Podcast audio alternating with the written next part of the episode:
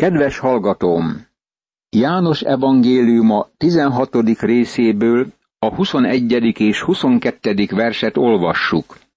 Amikor az asszony szül, fájdalma van, mert eljött az ő órája. De amikor megszülte gyermekét, nem emlékszik többé a gyötrelemre az öröm miatt, hogy ember született a világra. Így most titeket is szomorúság fog el, de ismét meglátlak majd titeket, és örülni fog a szívetek, és örömötöket senki sem veheti el tőletek. Tekintet nélkül arra, hogy hol vagy, vagy ki vagy, ha elfogadtad Jézust, akkor Isten gyermeke vagy. Ha szomorkodsz, és könnyek vannak a szemedben, ha összetört a szíved, légy bizonyos abban, hogy reggelre megérkezik az öröm. Ő örömet hoz az életedbe. Azt hiszem, hogy amikor az ő jelenlétébe kerülünk, és visszatekintünk életünkre, ha lesz valami sajnálkozásunk, akkor az azért történik, mert nem szenvedtünk még többet az ő nevéért. Az ő jelenlétének öröme felülmúl minden szomorúságot, ami ért bennünket idelent ezen a földön. És azon a napon nem kérdeztek én tőlem semmit. Bizony, bizony, mondom néktek, hogy amit csak kértek az atyától az én nevemben, megadja nektek. Eddig nem kértetek semmit az én nevemben. Kérjetek, és megkapjátok, hogy örömötök teljes legyen.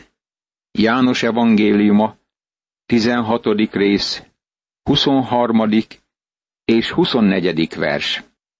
Ez a harmadik alkalom, hogy beszél az ő nevében való imádkozásról. Már láttuk, hogy az ő nevében imádkozni azt jelenti, hogy benne maradni és neki engedelmeskedni.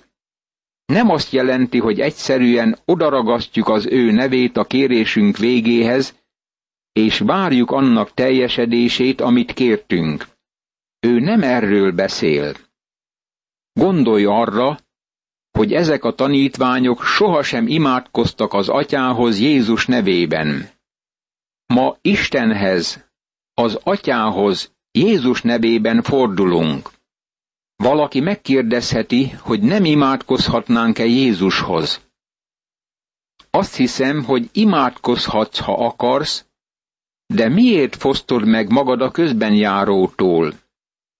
Jézus fönt van Isten jobbján, és érted imádkozik. Ezért kell imádkoznunk az atyához Jézus nevében. Ezeket példázatokban mondom nektek, de eljön az az óra, amikor többé nem példázatokban szólok hozzátok, hanem nyíltan beszélek nektek az atyáról. Azon a napon az én nevemben kértek, és nem mondom nektek, hogy én kérem majd az atyát értetek, hanem maga az atya szeret titeket, mivel ti szerettek engem, és hiszitek, hogy én az Istentől jöttem. János evangéliuma, 16. rész, 25., 26. és 27. vers. Eljön az az óra, itt arról beszél, hogy közeledik keresztre feszítése, a megváltás órája, amiért eljött ebbe a világba. Azután az atyát Jézus nevében kell kérni. Ő próbálja megtanítani velük, hogy az atya nem szigorú kényszermunka vezető, aki tétovázva válaszol az imádságra. Ő valójában ezt mondja. Ha úgy gondoljátok, hogy kérem az atyát, hogy jó legyen irántatok és bőkezű legyen irántatok, akkor tévedtek. Maga az atya szeret titeket. Nem kell kérnem őt, hogy szeressen titeket, mert már szeret. Az atyával nem nehéz kijönni. Ő szeret téged, és ez az oka annak, hogy válaszol imádságodra, amelyet az én nevemben mondasz. Ma Isten hallani akarja az imát, és válaszolni akar rá, de annak olyan ember szívéből kell fakadnia, aki szereti Krisztust, és közösségben van vele, engedelmeskedik neki. Én az atyától jöttem, és eljöttem a világba, de most elhagyom a világot, és az atyához megyek. János evangéliuma, 16. rész, 28. vers. Általában azt állítják, hogy János evangéliumának kulcsverse a János evangélium a 20. részének 30. és 31. verse, de melléjük akarom tenni ezt a verset is. Az örökké való fiú eljött e világba azért, hogy megváltsa az embert. Amikor küldetése teljesült, visszatért az atyához. Ez János evangéliumában a haladás iránya.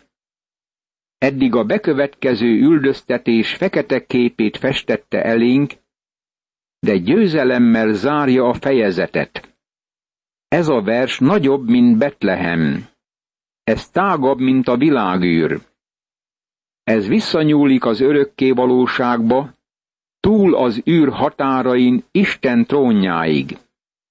Aztán Jézus beszél azokról a pillanatokról, amelyeket a földön töltött. Ő az örökké valóságból érkezett, és visszament az örökké valóságba. Ekkor így szóltak hozzá tanítványai. Íme most nyíltan beszélsz, és nem példázatot mondasz. Most már tudjuk, hogy mindent tudsz, és nincs szükséged arra, hogy valaki megkérdezzen téged. Ezért hisszük, hogy az Istentől jöttél. János evangéliuma, 16. rész, 29. és 30. vers. Világosan meg kell értenünk, hogy az Úr Jézusban Isten jelent meg testben. Ez a nagy meggyőződés töltötte be a tanítványokat. Meggyőződtek a tényekről. Látták őt, aki az atyától érkezett és eljött a világba. Ő a mesiás. Ő a megváltó, ahogy mondja magáról. Mégsem értették meg, hogy miért kell átmennie a halál sötét vizein, sem azt, hogy hogyan lehetséges a feltámadás és visszatérés az Atya dicsőségébe. Még mindig nem tudták teljesen fölfogni. Kétezer év után fölfogjuk-e mi ezt? Jézus így válaszolt. Most hiszitek. De eljön az az óra, sőt már el is jött, amikor elszélettek, mindenki a maga otthonába, és engem egyedül hagytok. De én mégsem vagyok egyedül, mert az Atya velem van.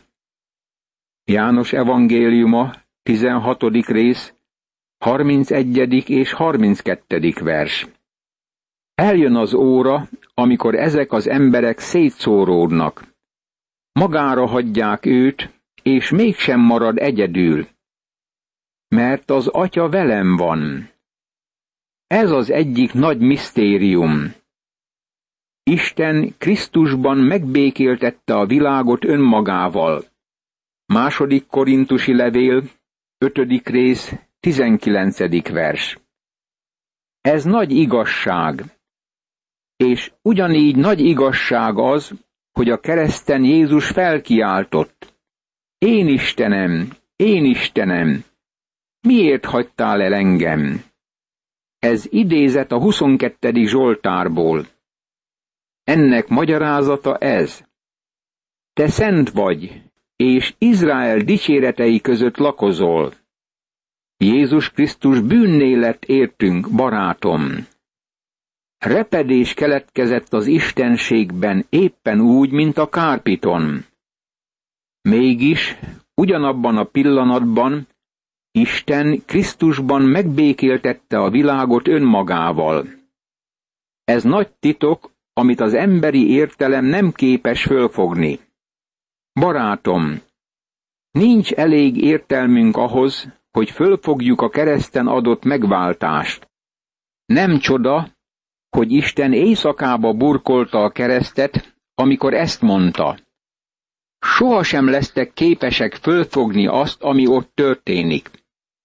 Azt hiszem, hogy az örökké valóság végtelen korszakain át folyamatosan megértünk valami újat és csodálatosat az Úr Jézus Krisztus értünk vállalt halála felől. Ez arra késztet, hogy arcra essünk előtte újból és újból. Ezeket azért mondom nektek, hogy békességetek legyen én bennem. A világon nyomorúságotok van, de bízzatok, én legyőztem a világot. János evangéliuma, 16. rész, 33. vers. Békesség. Békességgel zárja. Isten gyermekének békessége lehet a miénk ebben az életben. Mert béke rejlik Krisztusban és senki másban. Nem találunk békét az egyházban. Nem találunk békét a keresztény szolgálatban. A békesség Jézus Krisztusban található. A világon nyomorúságotok van. Urunk ezt nagyon világossá teszi. Nincs béke a világban, csak nyomorúság. Ugye mennyire igaza volt? De legyőzte a világot. Az ő győzelme a mi győzelmünk is. Sokat hallok ma a győzelmes életről. Az egyetlen személy, aki győzelmesen élt, Jézus Krisztus. Mi nem élhetünk győzelmesen. Mi megengedhetjük, hogy ő éljen bennünk, ennyi az egész. Amikor megtanuljuk, hogy azonosulunk vele, és szoros kapcsolatba kerülünk vele, akkor kezdjük átélni Isten békességét a szívünkben. De bízzatok! Ezek a nyomorúságok a világban vannak, de életünkben jelen van az öröm. Békesség és öröm. Mennyire fontosak ezek? Ezeket azért mondom nektek, hogy békességetek legyen én bennem. A világon nyomorúságotok van, de bízzatok! Én legyőztem a világot. Most érkezünk a Bibliának egyik legkiemelkedőbb fejezetéhez. Ez a 17. részben található ima a leghosszabb ima a Bibliában. Jól lehet, csak három percbe kerül az elolvasása. Azt hiszem, ez jó mintául szolgál a nyilvános imádságok hosszúságát illetően. Ha valaki nem tudja elmondani három perc alatt mindazt, amit el kell mondania, akkor túl sok a mondani valója. Nagyon őszintén szólva azt hiszem, hogy a rövid imádságok, amelyek a lényegre térnek, eredményesebbek, mint a hosszú, bőbeszédű imádságok.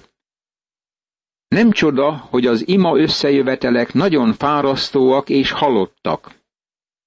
A felső szobában mondott tanítás olyan, mint emelkedő lépcsősor, vagy mint a hegyre mászás, ami ebben az imádságban csúcsosodik ki.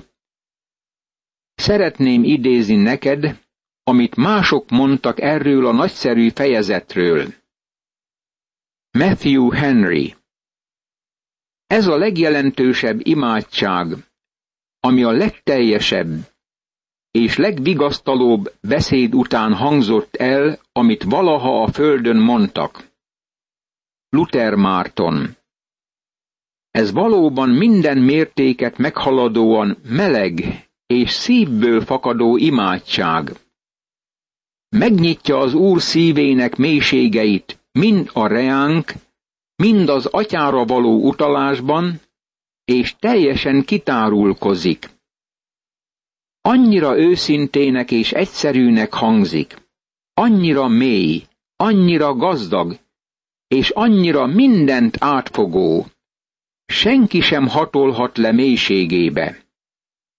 Melanchthon Fülöp, egy másik reformátor írta. Nincs szó, amit valaha hallottak akár a mennyben, akár a földön, ami magasztosabb, szentebb, gyümölcsözőbb, fenségesebb, mint amit a fiú mondott el Isten előtt. Ez az az imádság, amelyet John Knox olvasgatott ismételten az életében. Amikor halálos ágyán feküdt, felesége megkérdezte tőle, honnan akarod, hogy olvassak? Ezt válaszolta. Olvasd ott, ahol először levetettem a horgonyomat. János evangéliuma 17. fejezeténél. Sok más följegyzés is birtokunkban van azok tollából, akik újból és újból elolvasták a főpapi imádságot. Dr. Fisher, aki 8. Henrik idejében Rochester püspöke volt, ezt olvasta fel mártíromságát közvetlenül megelőzően, mint az utolsó fejezetet a Szentírásból. Ez nagyszerű ige szakasz az írásban. Teljesen alkalmatlannak érzem magam arra, hogy ezzel az imádsággal foglalkozzam. Ez a főpapi imádság az értünk kifejezett közbenjárás. Ez kinyilatkoztatás nekünk arról a kapcsolatról, ami véleményem szerint állandóan fennáll az Úr Jézus és a mennyei Atya között. Jézus egész élete ima élet volt. Szolgálatát azzal kezdte, hogy elment egy magányos helyre imádkozni. Gyakran fölment egy-egy hegyre imádkozni, és az éjszakát imádkozásban töltötte. Ő, ami nagy közben járunk, imádkozik érted és érten. Ha ma reggel elfelejtettél imádkozni, ő nem feledkezett el rólad. Ő imádkozott érted ma reggel. Isten mindig meghallja és válaszol az ő imádságára éppen úgy, ahogy mondja. Isten válaszol az én imámra is, de nem mindig úgy, ahogy kérem. Néha azt kell mondania az imádságomra, hogy nem. Vagy ő egészen másként és más időpontban teljesíti azt, amit kérek tőle imádkozásban. Jézus azonban így szólt. Én tudtam, hogy mindig meghallgatsz. Csak a körülálló sokaság miatt mondtam, hogy elhiggyék, hogy te küldtél engem. Jézus pedig felemelte a tekintetét, és ezt mondta. Atyám, hálát adok neked, hogy meghallgattál. János evangéliuma, 11. rész, 41. és 42. vers. Szeretném megjegyezni, hogy az nem rendellenes és nem az önzés jele, hogy valaki önmagáért imádkozik. Hiszem, hogy amikor Isten elé járulunk imádságban, akkor a szívünket és az életünket rendbe kell hoznunk ő előtte. Összhangba kell jutnunk a mennyei atyával. Minden hangszert föl kell hangolni az előadás előtt. Mielőtt elkezdünk másokért imádkozni, szükséges, hogy önmagunkért imádkozzunk. Ez nem önzés. Ez elengedhetetlen.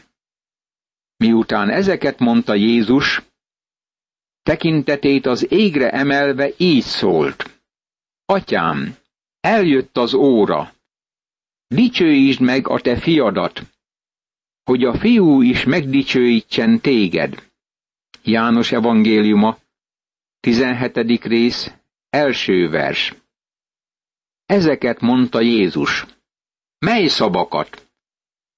Az éppen ezelőtt olvasott 13., 14., 15. és 16. fejezet szavait. Most abba hagyja a tanítványok előtt mondott beszédét, és beszél az atyával. Jól lehet az atyával társalog ebben a fejezetben, ezt az ő javukra és a mi javunkra teszi. Ő, ami nagy közben járunk ebben a korban. Csodálkozhatunk azon, hogy miért imádkozik. Itt van leírva. Ez az Úr imádsága, amit az Atya elé visz. A hegyi beszédben levő imádság nem igazán az Úr imádsága. Azt az imádságot a tanítványoknak tanította. Amikor Jézus elkezdi, hogy mi atyánk, akkor ezzel minden hívőre gondol. Mégis Jézus Istent, az atyát más értelemben szólítja meg. A feltámadás után ezt mondta Máriának. Mert még nem mentem fel az atyához, hanem menj az én testvéreimhez, és mondd meg nekik, felmegyek az én atyámhoz, és a ti atyátokhoz, az én Istenemhez, és a ti istenetekhez. János evangéliuma, 20. rész, 17. vers. Más szóval, még nem emelkedtem föl atyátokhoz, aki tietek az újjászületés alapján, és az én atyám az én szent háromságban viselt tisztségemnél fogva.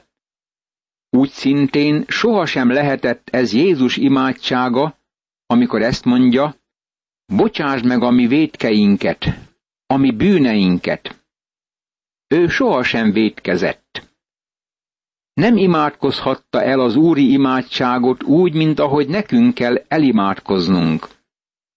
Ugyanezen az alapon mi sohasem imádkozhatjuk el a János evangéliuma 17. részében levő imádságot.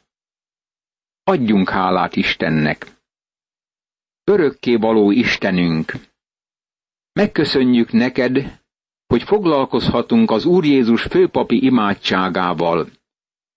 Add, hogy leoldjuk lelkünk saruit, és alázatosan, mély tisztelettel járuljunk eléd, amikor bevezet minket Jézus imádságának mélységébe. Ámen.